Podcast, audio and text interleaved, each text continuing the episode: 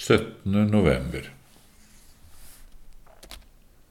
Fra Romerbrevets syvende kapittel og det sjette vers henter vi dagens tekstord, som lyder slik. Men nå er vi frigjort fra loven, siden vi er døde fra det som holdt oss fanget. Rosenius skriver. Her taler apostelen om loven som et fengsel, hvor vi blir holdt som fanger. Lovens bud og dommer var stålgitterne, dører og låser som holdt oss innesperret til døden.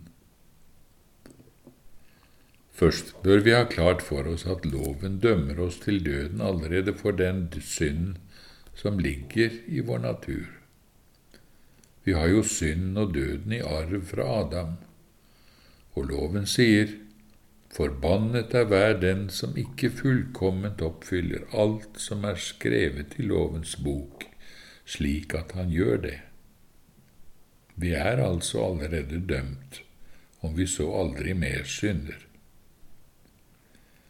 Hvis vi ikke tror dette, men nå på alle måter forsøker å forbedre oss og minske vår skyld for å oppnå nåde hos Gud, så er tross alt hele vår natur så full av ondskap og forderv at vi hele tiden synder på ny og øker vår skyld.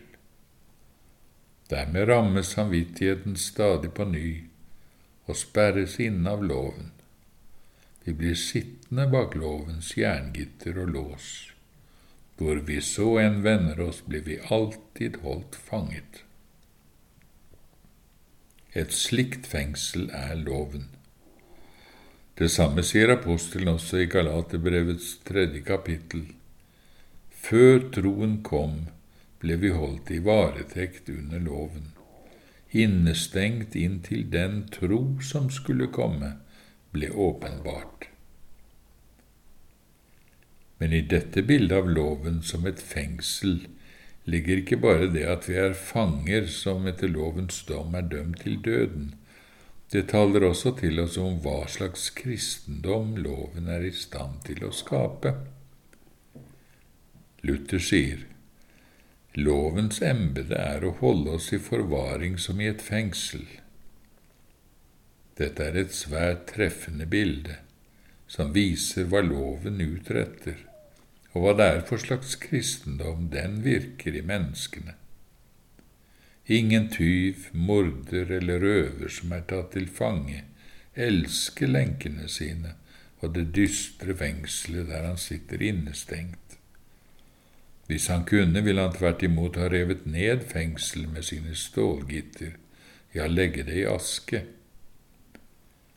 I fengselet gjør han nok ikke noe galt, men det er ikke på grunn av noen god vilje eller av kjærlighet til rettferdigheten, men ganske enkelt fordi fengselet hindrer ham fra å gjøre det. Og mens han sitter i fengselet, avskyr og hater han så visst ennå ikke synden og sin forbryterbane. Men fengselet hater han, og hvis han fikk anledning til å slippe ut, ville han fortsette å stjele som før. Både i menneskelig og åndelig forstand sperrer loven menneskene inne, innenfor visse grenser. Dette er lovens oppgave, og slik er dens rettferdighet. Den tvinger oss til en utvortes kristendom ved at den truer dem som bryter loven med straff og plager. Så er vi riktignok lydige mot loven, men bare av frykt for straff og det skjer uvillig og med stor misnøye.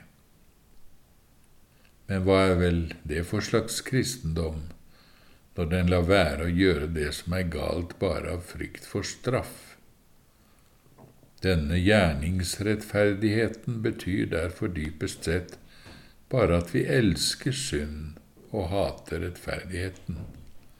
Vi avskyr Gud og Hans lov og tilber opphøyer den største ondskap. For med samme hjertelighet som tyven elsker fengselet og hater tyvetoktene, med samme hjertelighet er vi lydige mot loven gjør det den krever, og la være det den forbyr, så lenge vi er fanget av den. Så langt Luther. Slik er vår kristendom under loven. Ganske annerledes blir det i hjertet hos en sjel som gjennom et slikt fengselsopphold er utmattet, fordømt, oppgitt, og så med en gang får alt som gave.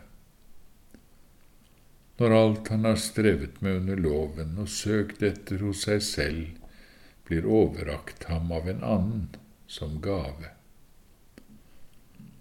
Får han se Gud i et helt nytt lys, som en god far, som bare venter på å få gjøre oss godt, og derfor, med dette som mål, også har utmattet oss på denne måten under loven.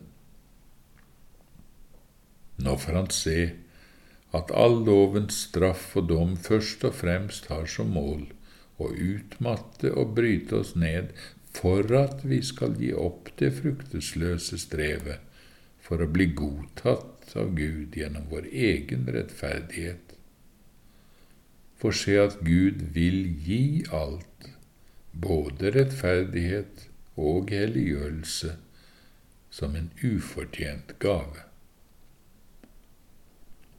Når en utmattet sjel fatter dette, og nå i Åndens lys ser han er totalt fridd fra loven, tror og ser Guds store kjærlighet i Kristus. Da får han et fullstendig nytt hjerte både overfor Gud og overfor loven. Da forvandles hatet til kjærlighet. Da kan han tjene Gud med inderlig lyst og trang. Nå sier han av hjertet, hans bud er ikke tunge å bære. Jeg har lyst til Guds lov etter mitt indre menneske. Og nå er fengselet forvandlet til et palass.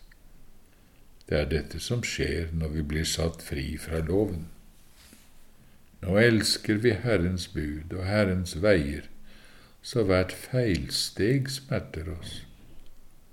Og om noen nå ville forandre på eller forsøke å bortforklare de hellige budene, så ville det tynge oss smertelig. Dette virker ånd når sjelen blir frigjort fra lovens krav og dommer og får visshet om en evig nåde.